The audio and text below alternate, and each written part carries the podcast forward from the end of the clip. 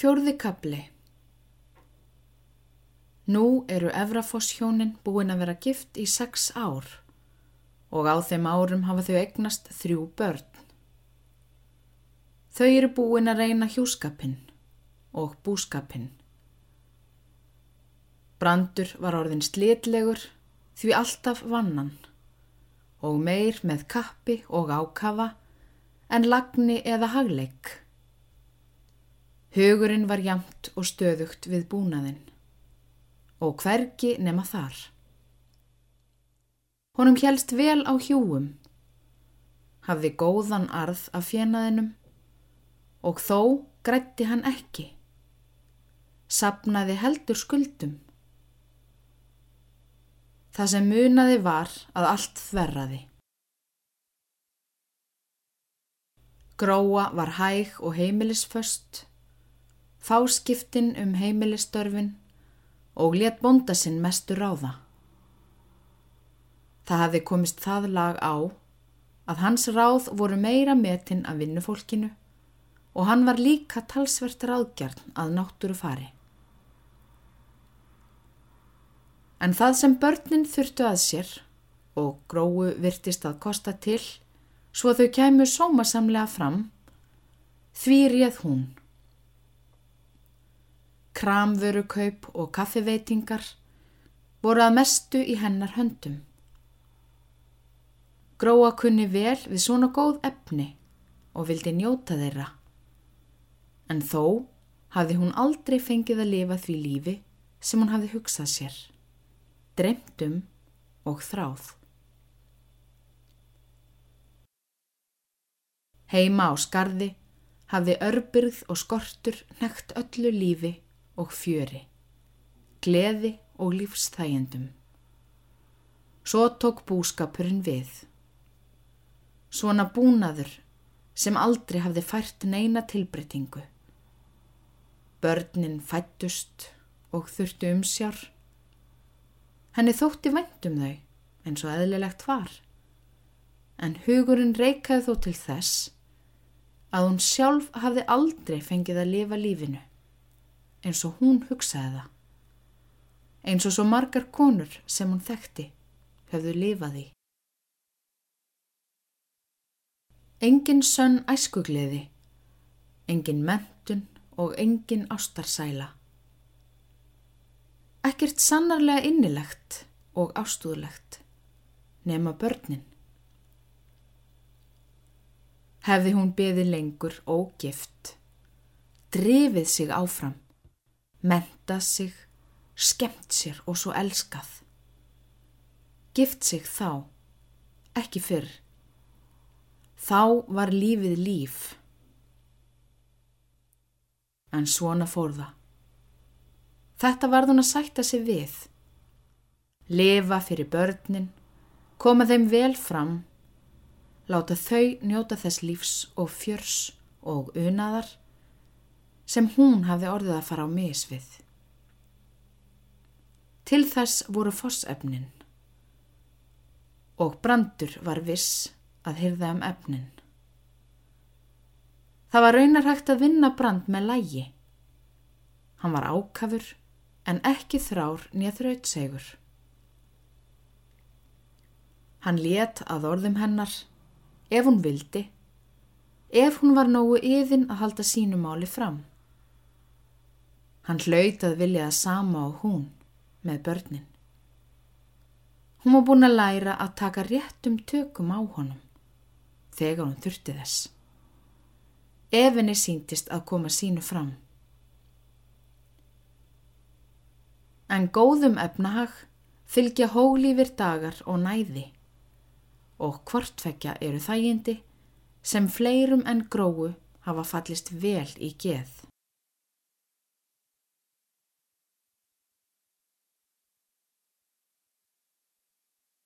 Brandur var engin skartsmaður, hafði aldrei verið það.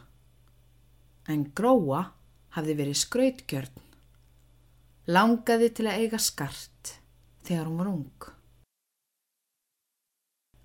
Heimasættan á skarði hafði oft kvalist af því hvað klæðnaðurinn hennar var ósnortin og ónóur. Svo, þegar efnin lifðu, stóð þó skrautvíman ekki mörg árin. Þegar hún fór að eignast börnin, virtist henni það standa á minnstu um hana sjálfa. Það voru börnin, það var það búa þau snóturlega, spara ekki við þau. Og ekki dögði að stofan á fossi stæði svona snauð og auð og hún var þegar gróa kom þangað. Það mátti að minnstakosti ekki vera lakari umgengni eða munir hjá henni en hinum efnakonunum í dalnum. Heldur á undan þeim en á eftir. Hvað gerði það þó hún heldi sér ekki til dagstaglega? Fyrir hverju átti að halda sér til? Ekki gerði brandur sig um það. Fyrir vinnufólkinu? Ekki var það svo skemmtilegt eða smekklegt. Það var þægilegt að ganga í sömu fötunum dag eftir dag. Vanin gerði þau svo viðkunnanleg við alla reyfingar. Bara þau væru ekki rifin nefn mjög óhrein.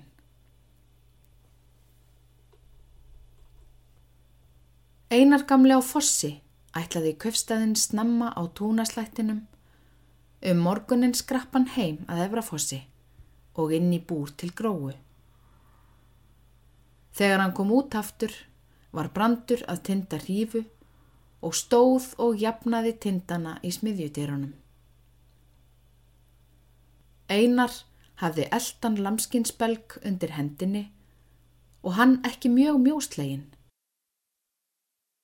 Þegar hann kom að dýrunum kallaði Elín gamla til hans og bað hann að finna sig. Karl lagði belgin frá sér, rétt sunnan við smiðjutirnar og þrammaði heim hlaðið.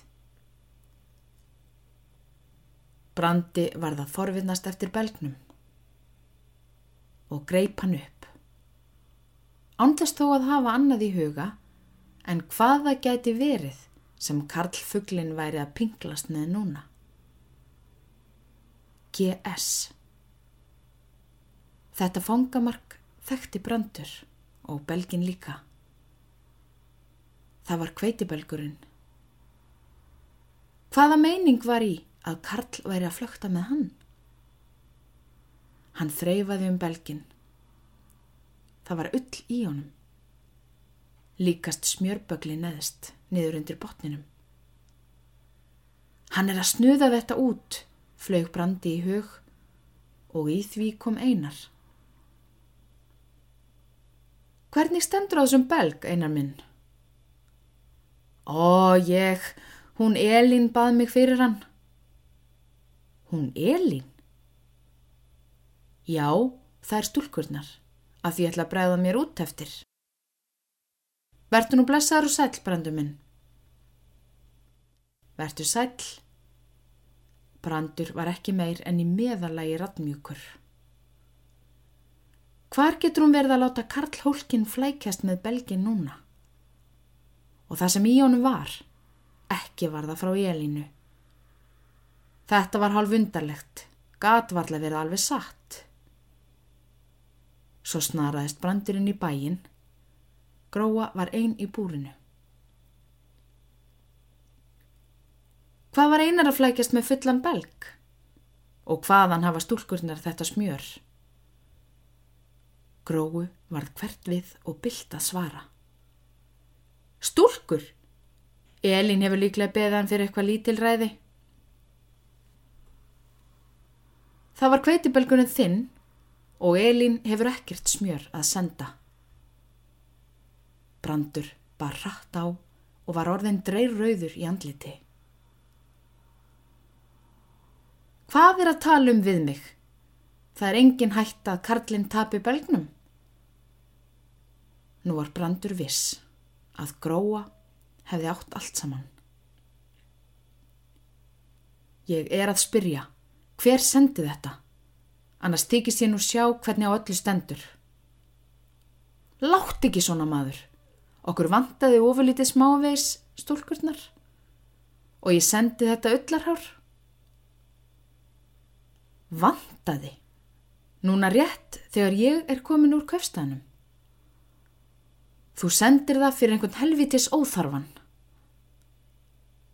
Það er ekki fyrir neitt óþarfa. Hvað á þessi rekistefna þýðamaður?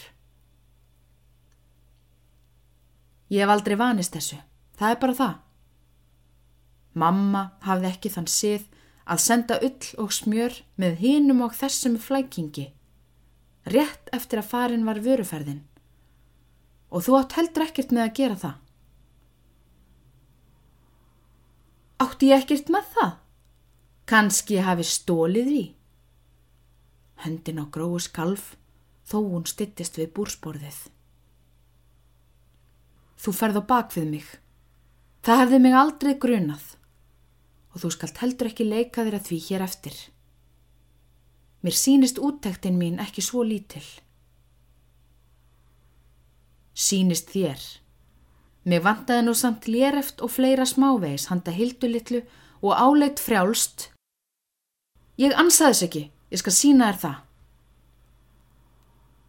Búrhurðin slengtist aftur, svo brast við, en brandur hljóp út og niður að neðrafossi krafði einar að segja það sanna og eftir nokkrar undanfærslu dró Karl gamalt brefaveski upp úr brjóstvassan sínum.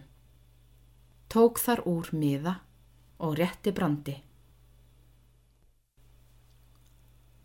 Átta pund af vorull og fimm pund af smjöri á að taka tvær álnir af ljósleitu lérefti í skíluklúta og kaffi og sigur fyrir afgangin. Gróa Steinstóttir Eins og hann grunaði, eins og hann vissi, ingtómur bölvaður óþarfi. Hann tók þó með mesta móti af kaffi og sikri um daginn. Ætlaði að það skildi duga til ársins, þó öðru sér hefði farið í fyrra. Engin ástæða að bæta við. Eintóm sóun og gengdarleysi.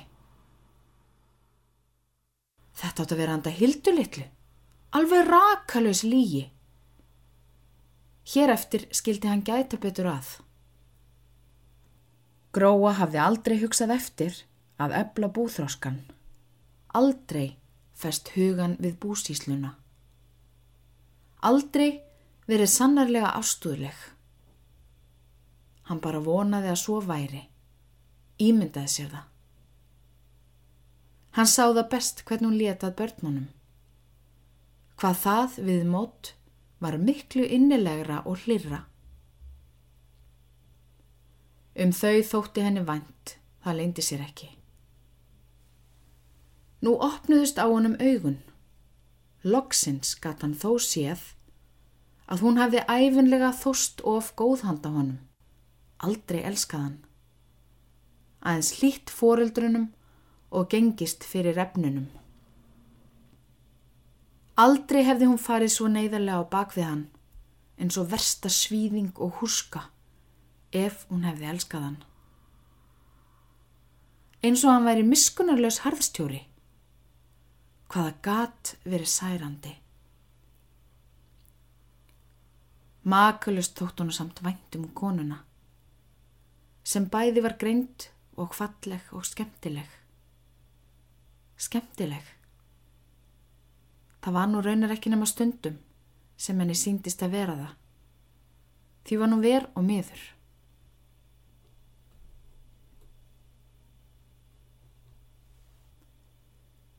Svo þegar blóðið fór að kyrrast, lifnaði líka vonin. Vonin að geta ráði bóta á þessu.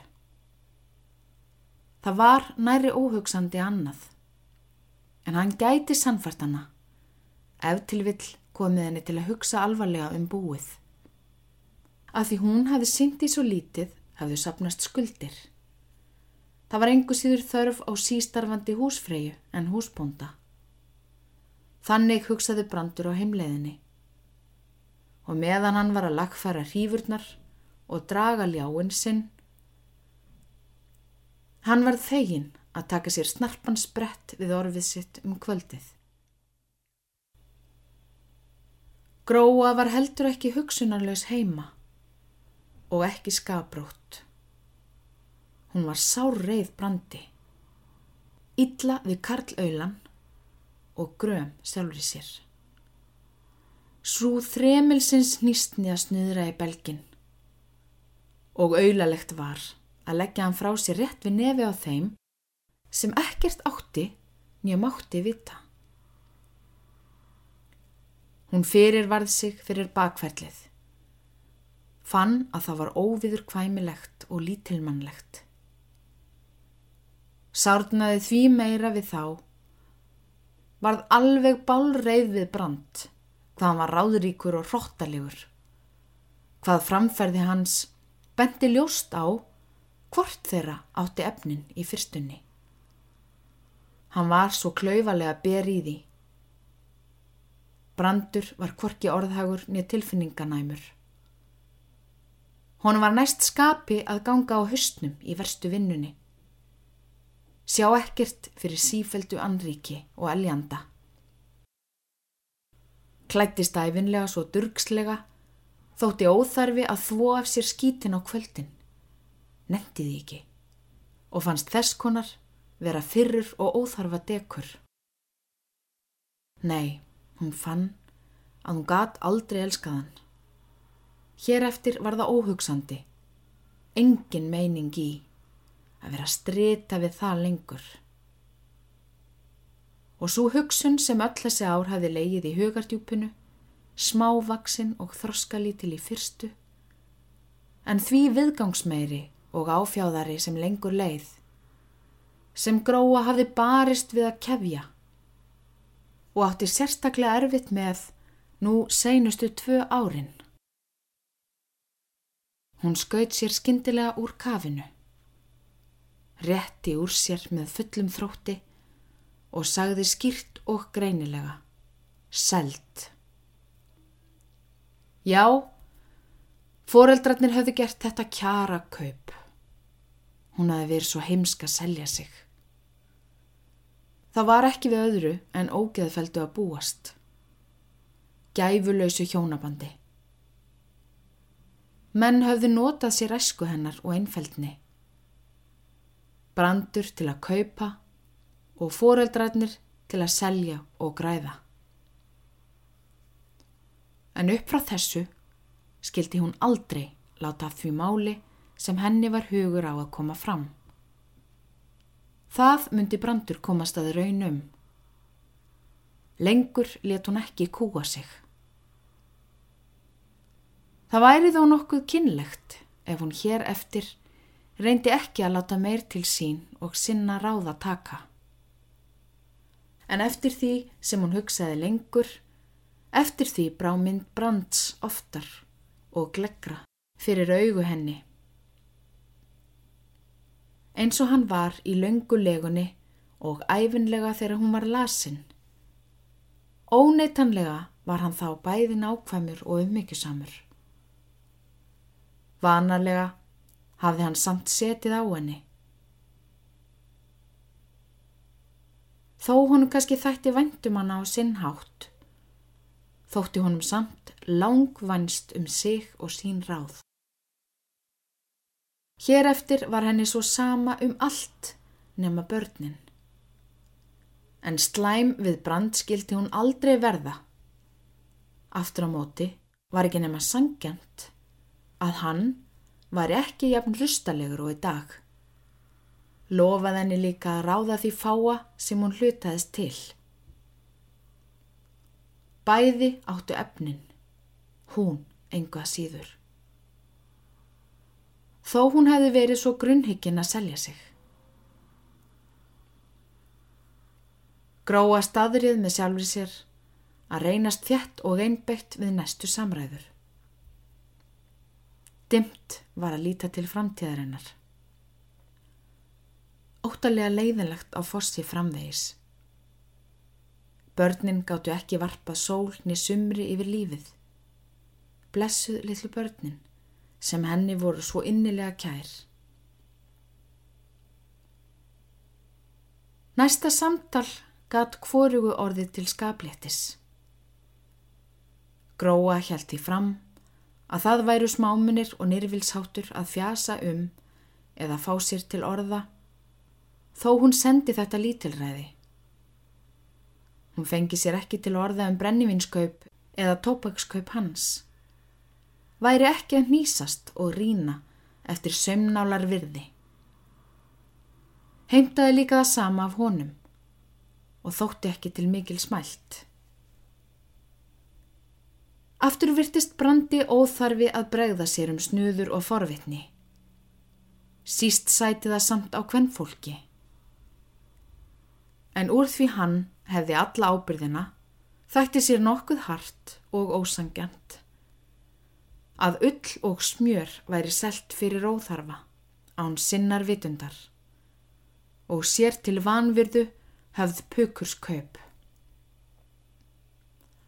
Hún hefði ekki ástæðu til að taka því illa þó hann síndi fram á það sem aflaga færi og bendi á missmíðið. Samtalslokin urðu þau að bæði voru gröm og reið. Bæði kunnu að nota sér sex ára sambúð til að hitta viðkvamasta og besta högstaðinn. Leggja sverði á snögga blettin. Þau lærðu þá list að særa hvort annað sem sárast og tilfinnanlegast.